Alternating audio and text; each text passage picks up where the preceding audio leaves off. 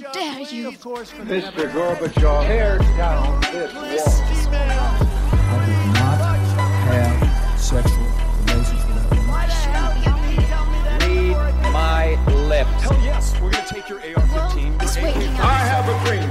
Thank you. 6. januar så uh, fikk vi se historiske bilder uh, på, på TV-en. Eh, for min egen del satt jeg satt på hytta jobba faktisk med propaganda eh, og, eh, som fag. Og eh, hadde, TV, nei, hadde NRK på i bakgrunnen, eh, hvor de gikk fra et sånt forbrukerprogram og rett over i en direktesending som Ja, det eskalerte utover kvelden 6. januar.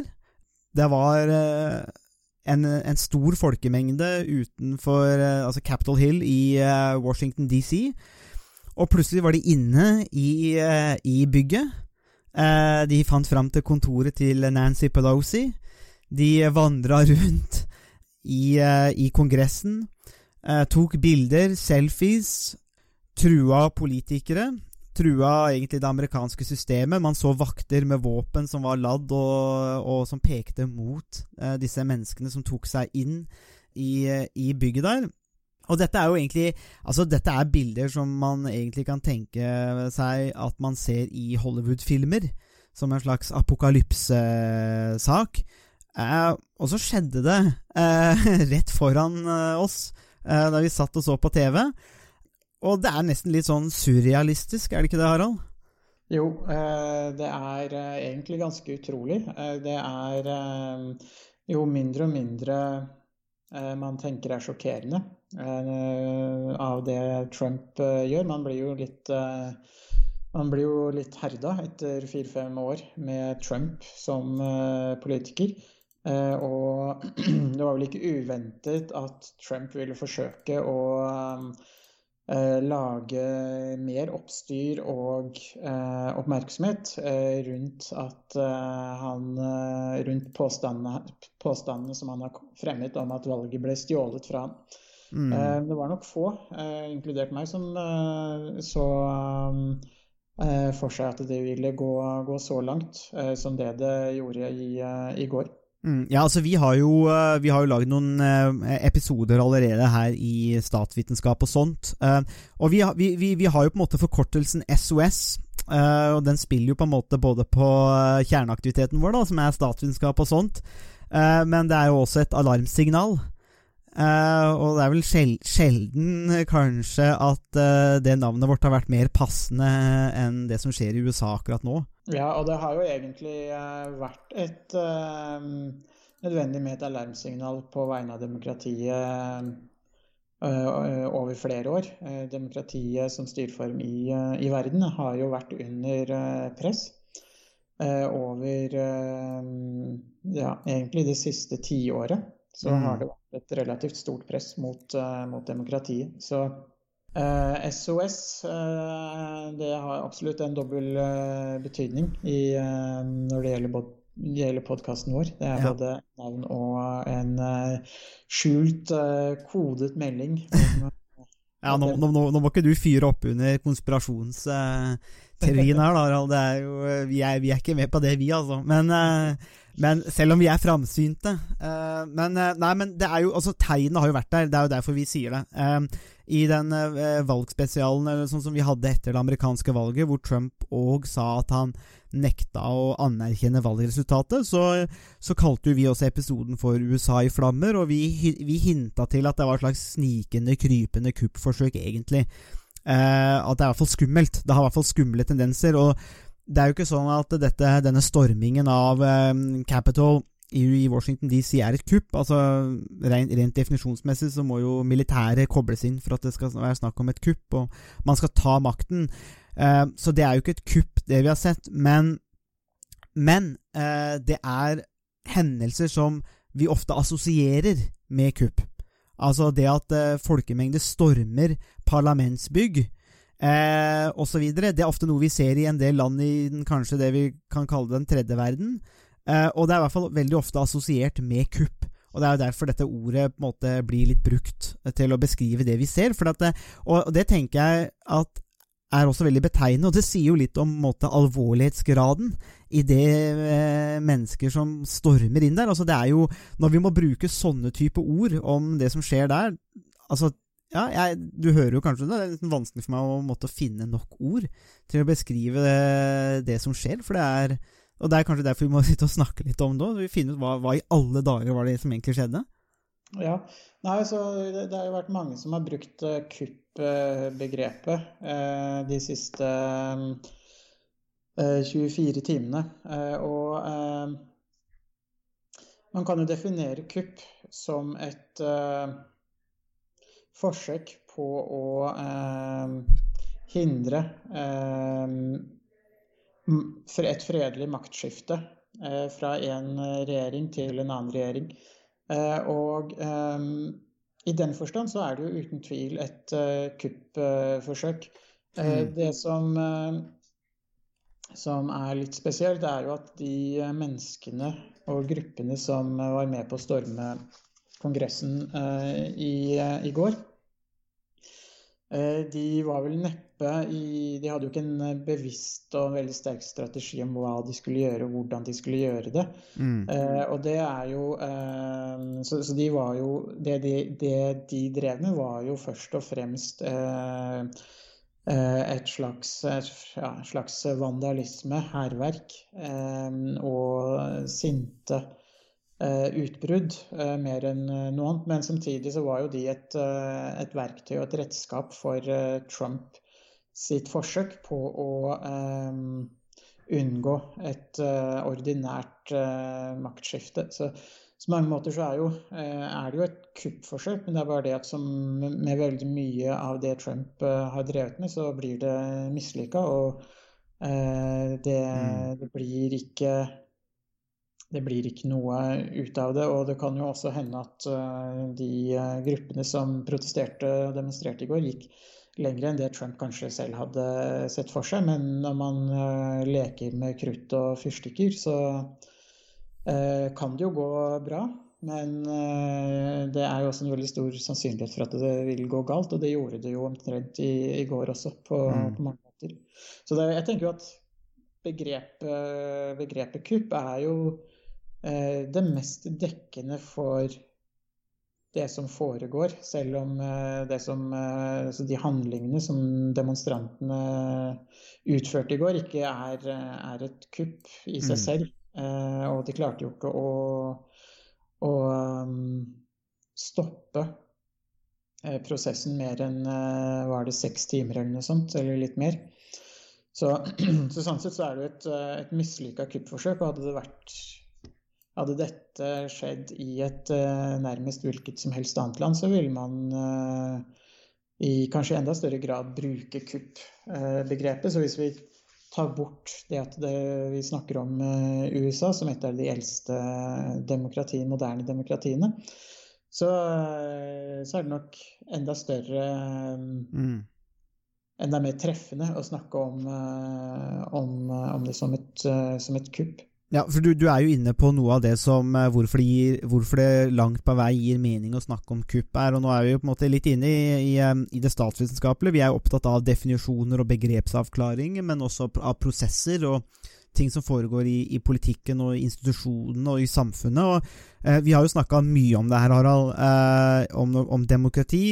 Eh, noe av det viktigste i, i demokratiet er den fredelige maktovertagelsen. Det er et av de store sentrale prinsippene. Rett og slett at uh, man, man, har en prosess hvor man kan velge representanter eller noen som skal få makt. Altså folket gir makt til noen. Uh, og dette skal skje på en fredelig måte. Uh, og vinneren, eller taperen, aksepterer at, noen, at en annen person eller parti får mer stemmer, og dermed retten til å styre, da, i den enkleste formen av det her. Eh, samtidig som også at vinneren vanligvis da, eller det her følger jo med i spillereglene, også forplikter seg til å ikke forfølge eh, eller utradere motstanderne, bruke denne makten til å drepe konkurransen. Man skal ha denne frie, åpne konkurransen i demokratiet. Eh, og når man da ser A. Trump som nekter å anerkjenne resultatet, selv om f.eks. i Georgia at man har hatt tre omtellinger, to med maskin og én for hånd, og disse tre uh, avstemningene altså sier be, alle tre at Biden vant i Georgia. Nekter å anerkjenne dette. Mener fortsatt at det var landslide victory. Eh, mener fortsatt at, ble, at valget har blitt stjålet, osv., osv. Så, så den øverste politiske lederen nekter å akseptere resultatet. Eh, og samtidig oppfordrer folk til å demonstrere foran, eh, foran Capitol når, når eh, valgresultatet skal ratifiseres eller verifiseres. Og disse bryter seg da inn for å stoppe denne prosessen. Uh, og det er et angrep på dette sentrale prinsippet i demokratiet. Så jeg er jo enig, på den måten så gir det egentlig mening Det er, det er jo ikke rart at assosiasjonene går til kupp, da. Nei, uh, overhodet ikke. Uh, og um, Trump er jo kanskje en politiker som ikke ville vært helt i stand til å, å gjennomføre eller til å, til å eh, gjennomføre det på et rent, et rent praktisk eh, nivå med å få med seg militæret, med å eh, ta kontrollen. Eh, og eh, det viser jo en del av den inkompetansen eh, og også som, som, har preget Trump som, som president. Han har kanskje, vil kanskje hatt en ambisjon om å um, endre valgresultatet. Og han har jo forsøkt uh, veldig sterkt uh, ved å bruke en retorikk og måte å snakke på som har lagt grunnlag for også tvil om valgresultatet. Selv om det ikke er et fnugg av bevis for de påstandene. Mm. Så har det i hvert fall kommet veldig, veldig tydelig frem allerede siden i, i eh, fjor våres, eh, hvor eh, Trump var tidlig ute med å kritisere bruken av poststemmer, som han mente ville kunne føre til, til valgfusk. Mm. Så han har på mange måter fra et, på tidlig tidspunkt argumentert for å bruke det som en bevisst strategi. Mm. Eh, noe av det som Og det er jo Så det er klart at vi, eh, vi kan jo snakke i, det, i, i mye mer om det her, men vi, det holder kanskje egentlig å konkludere der med at også både Trump har jo, har jo i sin periode utfordret de demokratiske spillereglene og en del av de rettsstatlige eh, prinsippene nå. Eh, der tenker jeg også annet på at han eh, for en uke eller to siden eh, eh, benådet eh, krigsforbrytere fra Irak. Eh, der, der krigsforbrytelsene var oppe og framme. Man visste hva som hadde skjedd, man hadde bevis for at de drepte en mengde sivile, uskyldige mennesker. Eh, og som eh, Trump da benådet. Eh, og det er jo eh, Ja, det er jo er jo, er jo, meget spesielt og meget skadelig. Um, så man har jo hatt disse Og så har man alle den altså Hans generelle oppførsel har jo, vært en, har jo vært ustabil og uforutsigbar og utfordret en rekke av disse prinsippene. Men likevel så føles dette som det tristeste kulminasjonen uh, og endeliktet på denne presidentperioden. At det ender med storming av, uh, av selve hjertet på en måte i det amerikanske demokratiet. Uh, det føles eh, Det er jo surrealistisk, men vi kan jo i hvert fall fra en statsvitenskapelig perspektiv bare slå fast at Ja, det viser vel også kanskje hvor sårbart demokratiet er. At eh, det er ikke noe sånn at når man har eh, endt opp i et demokrati, så er alt i orden, ikke sant? Vi ser her hvor sårbart det er.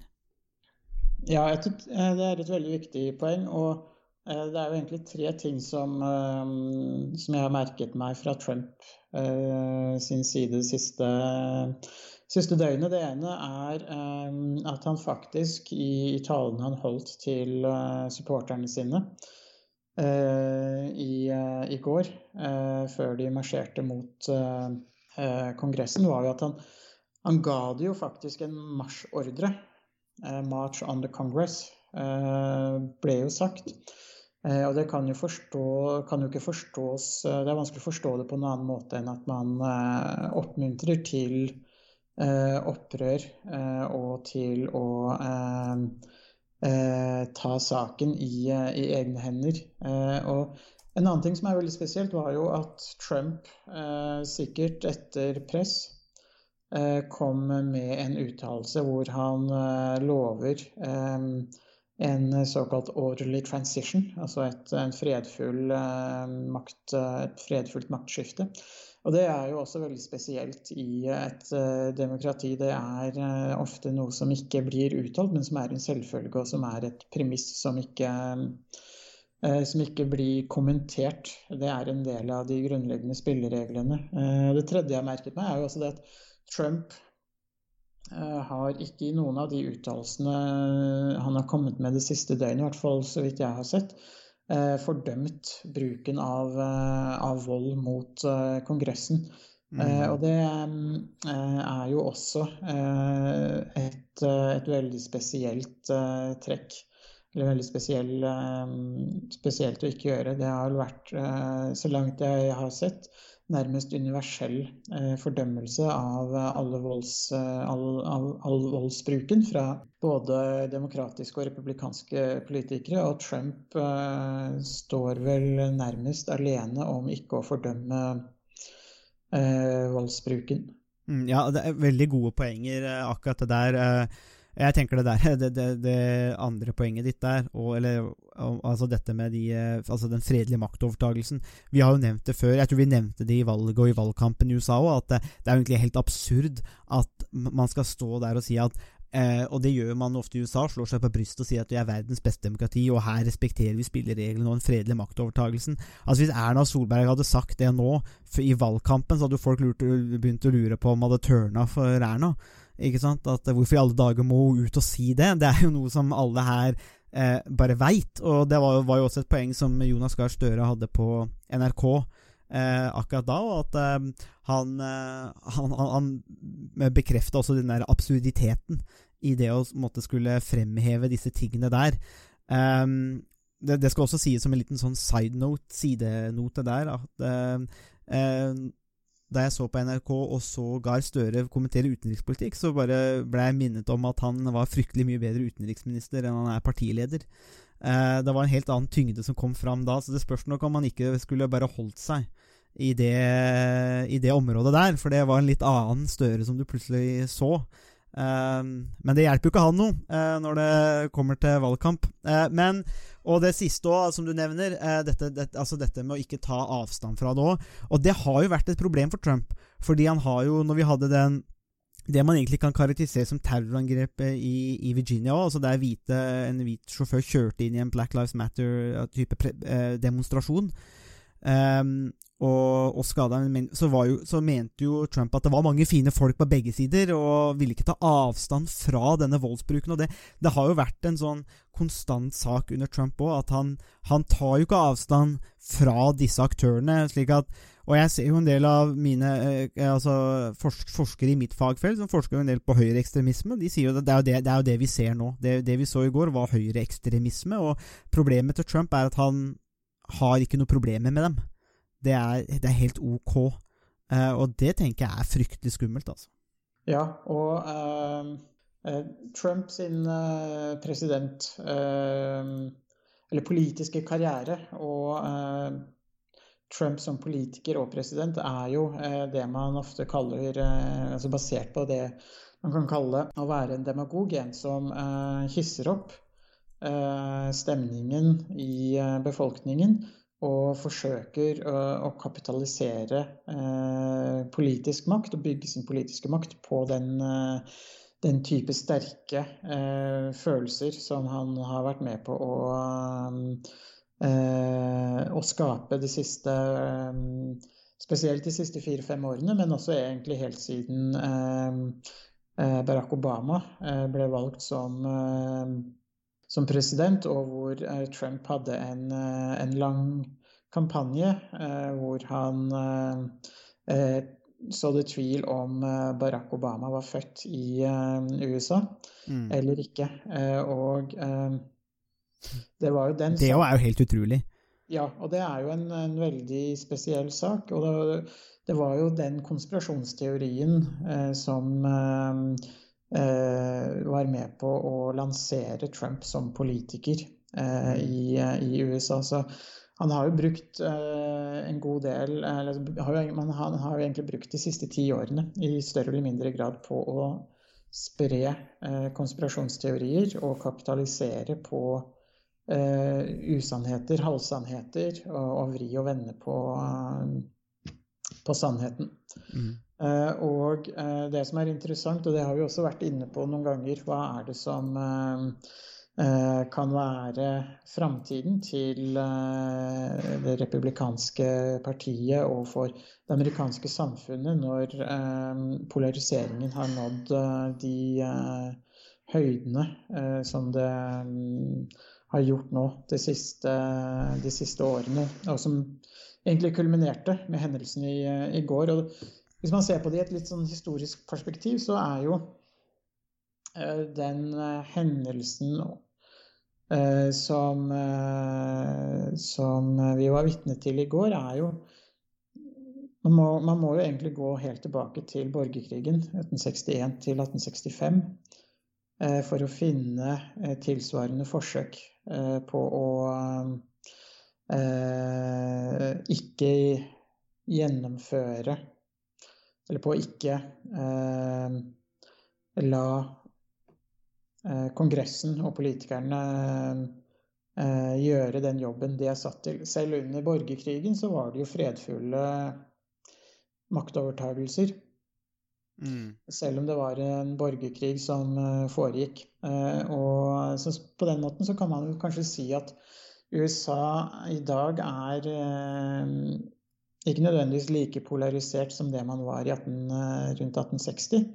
Men eh, det er det nærmeste. Altså man har ikke sett USA mer polarisert enn eh, perioden rundt borgerkrigen. Og det er jo veldig dramatisk i seg selv. Eh, Ja. Og vi har jo vært inne på det, det med hva er det som kan få et, samfunn, et så polarisert samfunn til å, til å snu og til å bli mindre polarisert. Og da har vi jo vært litt inne på det at man ofte trenger noen eksterne sjokk eller noen eh, dramatiske hendelser som kan være med på å snu dynamikken.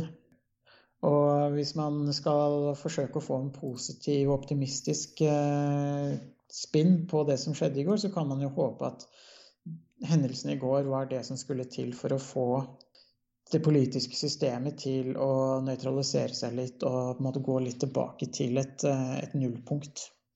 Ja, det er Eh, kanskje et system som skriker etter reform.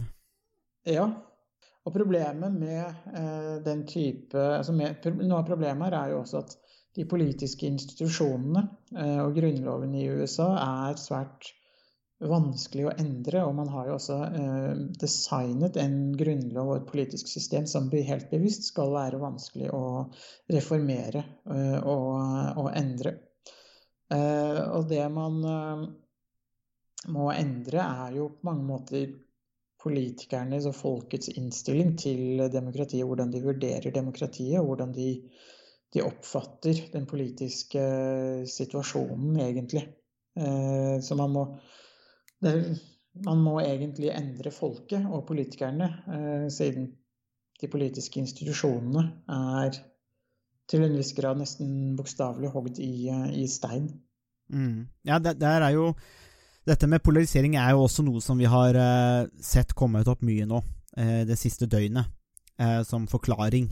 Eh, og er brukt av stort sett alle medier og, og kommenta kommentatorer osv. Og, så videre, og det er, det er jo en grunn til at vi snakker om det, altså dette med polariseringen. At man, man, man trekk, folk trekkes på en måte mot det mer ekstreme kanskje av oppfatningene. Og for et demokratisk system så er jo det ganske skummelt, fordi man er avhengig av at en del personer eh, ja, og om man er, har ekstreme holdninger, at man i hvert fall aksepterer da, eh, spillereglene og systemet. Men det er klart at eh, det som kanskje også skjer nå i USA, er, eller, som har skjedd i lengre tid, er jo, er jo det at man ikke kanskje lenger eh, eh, snakker med hverandre eh, og forstår hverandre. Man lever litt eh, to ulike verdener, altså litt sånn som den gamle britiske statsministeren Benjamin Disraeli beskrev som two nations.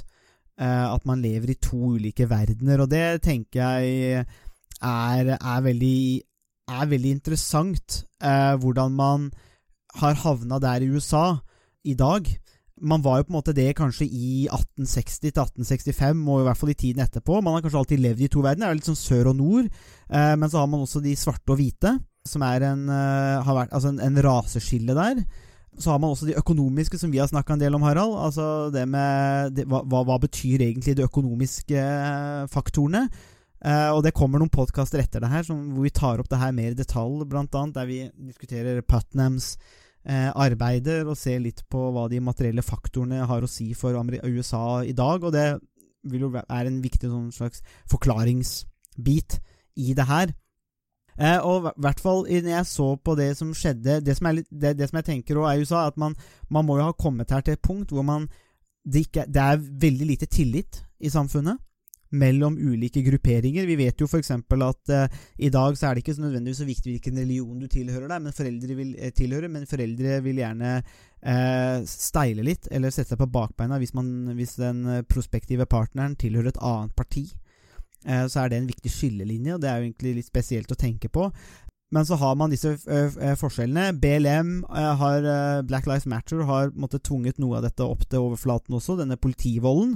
Det jeg tenker når, som da kommer fram, som viser polariseringen, hvor, effekt, hvor dyp polariseringen er, og hvor effektiv den kan utnyttes, er også mannen Trump. Som Det finnes jo ulike kilder til makt i et samfunn. Og, og, Max Weber har jo beskrevet noen av disse ulike kildene til makt, om det er fra stat, om normer, altså det juridiske. Han pekte også på karisma som en, en, en, viktig kilde til makt. Uh, og det er ofte noe man kanskje ser via diktatorer. Uh, tenk også f.eks. Tito i Jugoslavia, hvor han var selve staten. Og idet Tito døde, så falt jo Jugoslavia sammen. Trump fremstår for meg som den samme typen. Maktbasen hans, makten kommer fra en karisma og han kan snakke til sine velgere, sitt, eh, sine mennesker, og de følger han. Altså, det, virker som kritisk refleksjon har gått ut døra. Så når han sier 'March on the Capital', så er det nok til at en mengde mennesker faktisk gjør det.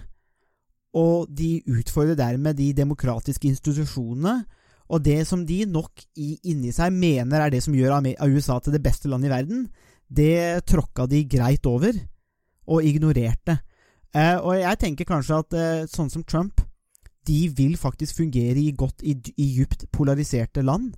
Og det er nettopp vi, derfor vi er i den situasjonen vi er i, USA i dag. da. Hva tenker du om den, Harald? Altså, jeg tenker på Trump, det er litt mer den der karismaen og sånn. Det er litt sånn vi ser fra diktatorer, er det ikke det? Eh, jo, jeg tror du har helt rett i det. Og det som jeg syns er litt interessant med det, er jo at mange har eller det som er spesielt med den typen for autoritet eller makt, eh, som man eh, ofte kaller for eh, karisma, eh, som egentlig handler om at eh, det er en Altså den personen som, eh, som står for Eller som har makten og autoriteten, og det er den personen som, som personlig er kilden til, til den politiske makten. Og det, det, som er interessant med det, er jo at siden makten er personlig, så vil også legitimasjonen for den makten forsvinne med, eh, med personen. Så det innebærer at det vil være kanskje vanskelig for andre politikere å kapitalisere på det man eh, ofte kaller for trumpisme, eller på en måte den uh, maktbasen som Trump appellerer til. Uh, fordi Eh, den er så tett knyttet opp til, eh, til Trump. Og eh, når du får den type ekstreme hendelser som det vi var vitne til, til, i går, så kan det også være med på at noe av lufta i ballongen går ut av den politiske bevegelsen. Man ser at man har gått altfor langt, og folk vil ta et steg tilbake. tilbake og Trump vil jo etter etter eh, den hendelsen i, går mest sannsynlig være ferdig som, uh, som politiker for evig. Men det republikanske partiet, Harald, hva tenker du Eller nei, nei beklager, før vi går til det. Jeg har bare lyst til å avslutte den delen der, men jeg tenkte, jeg tenkte, jeg skulle spørre deg om hva du tenker det republikanske partiets ansvar er i dette, og hva veien er videre. Men før vi går dit, det, det, det rann meg hugen, som det heter på Halling, plutselig. Eh, et godt poeng. Du nevnte og Jeg tenkte her kunne være litt fint for å illustrere polariseringen, polarisering. Du nevnte noen meldinger fra familie i USA. som jeg syns kanskje illustrerte den polariseringen og den manglende tilliten på en veldig god måte. Hva var det som skjedde det der? Uh, ja. Uh, Jeg så på Facebook i, uh, i dag eh, tidlig at noen av eh, slektningene eh, jeg har i eh, USA, eh, hadde kommentert hendelsene i Kongressen.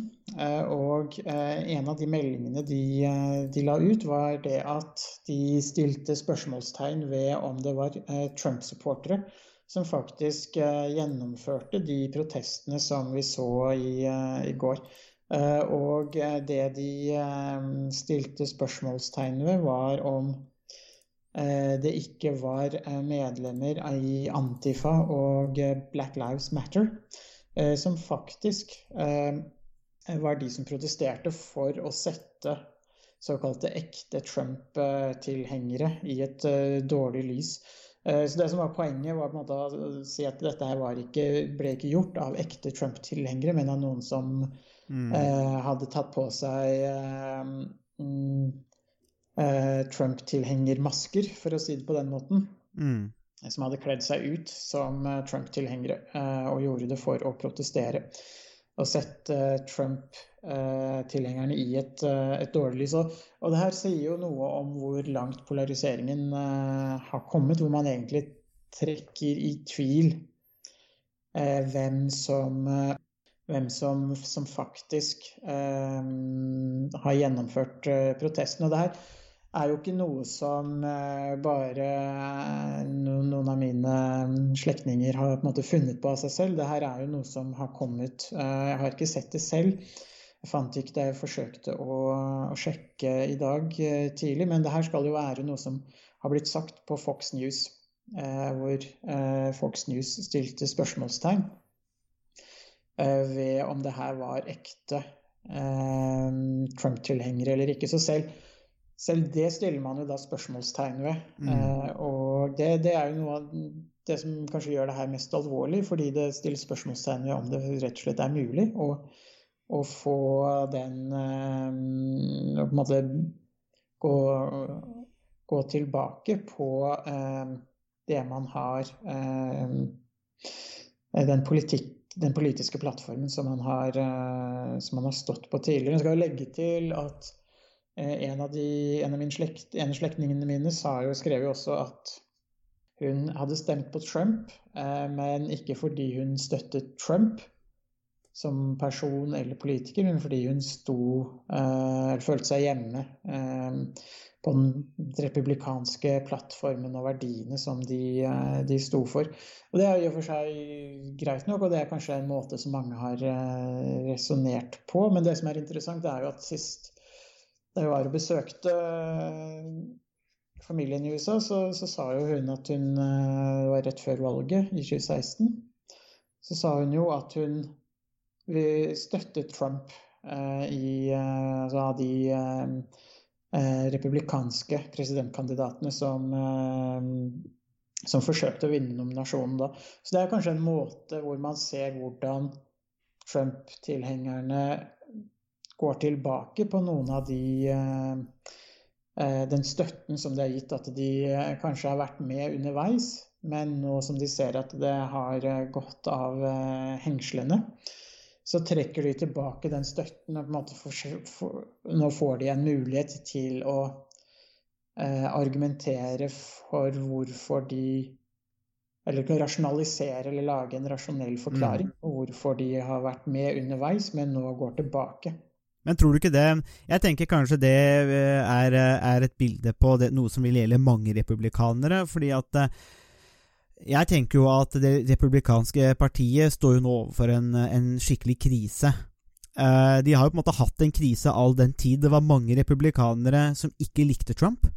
Men, men, Trump var jo på en måte en vinner, og han vant jo valget i 2016. Og det er jo mange som på en måte har akseptert det fordi at det, det virka som om det var en, en, et vinnende parti.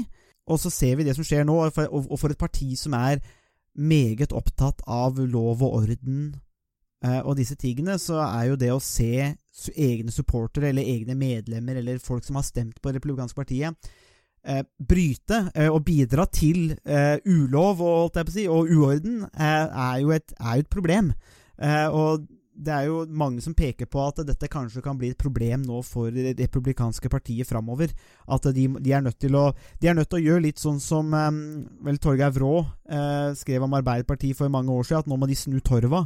De må rett og slett få tak i bedre folk, kanskje nye folk. Eh, og det er jo kanskje noe ja, har vi snakka om før òg, Harald. at det, det sier jo kanskje litt om de to partiene, at eh, kandidatene de klarer å stable til beina til det viktigste politiske vervet, er eh, begge godt over 70 år og ose uka av, eh, av energi, vil jeg si. Eh, og det burde være bedre kandidater å få tak i. Men det republikanske partiet står i hvert fall overfor et veivalg, tenker jeg.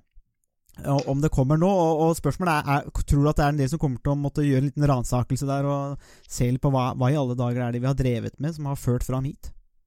Eh, ja, altså det, det, det, er noe som det er veldig lett å Et poeng som er veldig lett å Eller det er noe som det egentlig er veldig lett å si, da. Eh, og noe som det egentlig, sett utenfra i hvert fall, er et veldig stort behov for, uh, for å gjøre. Eh, I praksis så har jo det ofte vist seg mye vanskeligere enn eh, man skulle tro. Eh, etter at Eh, George eh, W. Bush eh, var ferdig som president i 2008, så var jo det republikanske partiet i den samme situasjonen. Det var stor krisestemning. Eh, og man så på George W. Bush som en av de mest katastrofale presidentene eh, i amerikansk eh, nyere historie. Han hadde jo da gått i bresjen for to kriger, Afghanistan og Irak. Og han ble sett på som en, en, en stor katastrofe. Og det som gikk igjen, var jo at neste gang, for å kunne være eh, i stand til å vinne valg i fremtiden, så måtte man finne mye bedre kandidater. Eh, og så går man da eh, fem-seks år frem i tid. Så ender det republikanske partiet opp med å velge Trump, eller nominere Trump til, eh, eh, som presidentkandidat i 2016. Mm. Uh, og da har man jo egentlig ikke lært noe av den, uh, som, den situasjonen som oppsto i 2008. Så Det republikanske partiet har jo vært der tidligere, og de har vært der i veldig nær historie. spørsmålet er jo om de noen gang vil, vil lære. Det er en del altså de, det er jo ikke bare de formelle politiske institusjonene som er avgjørende for om man klarer å endre Eh, samfunnet. Eller opprettholde samfunnsfunksjonene. Men også i partier, politiske partier så har man jo en del eh, institusjoner eh, mm. som det kan være vanskelig å, å, endre på. Så spørsmålet er om det vil være mulig for det republikanske partiet å gjøre de nødvendige endringene. Det som er Eh, sentralt er jo at man fra begynnelsen av 70-tallet så gikk man jo over til å, eh, å velge presidentkandidater gjennom de ulike nominasjonene i enkelt, hver enkelt delstat. Og hvor det da var velgerbasen som, som valgte presidentkandidat. Og det ville jo vært umulig for Trump å bli valgt om han skulle velges av Eh, partimedlemmene og de tillitsvalgte i det republikanske partiet. Han var jo, han var jo dypt upopulær. Eh, mm. Og eh, det eneste som gjorde at han ble valgt til presidentkandidat, var at han hadde god kontakt med velgergruppen. Så spørsmålet er jo om, om, det vil være mulig for det republikanske partiet å, å gjøre de nødvendige endringene. Eh, de, eh, de, fremstår som eh, ganske ekstreme, og det er jo deler av Det demokratiske partiet som også er relativt venstreorientert og om man skal kalle det ekstrem eller ikke, men i hvert fall gått, gått ut på, på venstresiden i amerikansk politikk. Som ikke opptrer som samlende, men det republikanske partiet framstår jo nærmest i en særklasse Mm. Når det gjelder å være eh, et parti som samler, i hvert fall de siste årene, samler eh, sprø eh, ko-ko-skikkelser som eh, er ganske mm, fjernt fra virkelighetens eh, verden. Og det er jo også deler av den politikken de har stått for de siste, siste årene. Så spørsmålet er om, er om de i det hele tatt vil eh, klare å, å gjøre den eh, gjennomføre den snuoperasjonen som kanskje er, eh, er, nødvendig. Ja, og Det er jo ingen tvil om at de, noe, noe, må det republikanske partiet gjøre òg, fordi at de har jo satset på Trump. og Det, det var jo, et, det var jo en, en vinnende, et vinnende parti i 2016. Men vi skal ta inn over oss at i løpet av de fire årene så har de mista presidenten. Eh, de har ikke kontroll i Kongressen, og de har ikke kontroll lenger i Senatet. Eh, det er fire dårlige år for det republikanske partiet. Og så er spørsmålet som man kanskje kan stille seg, dette blir mer spekulasjoner, om Trump noen gang hadde det republikanske partiet særlig tankene. Eh, eller om han rett og slett eh, strongarma, eller tvang seg inn eh, og har kontrollert det republikanske partiet der. Det er jo ikke noe eh, eh, jeg har jo ikke noe forhold egentlig til demokratene eller republikanerne for, altså for, for, min egen del, men man kan jo lure litt på om det republikanske partiet har blitt litt sånn hijacka, kidnappa og styrt litt av Trump òg. Jeg, jeg, for min egen del tror, tror kanskje at Trump ga totalplaffen i det republikanske partiet, og det er noen der som har spilt Trump-kortet, eh, men de har tapt. Uh, og uh, når de mister da all kontroll Biden har nå full kontroll og kan egentlig gjennomføre det han har lyst til. Uh, I hvert fall over de to neste årene.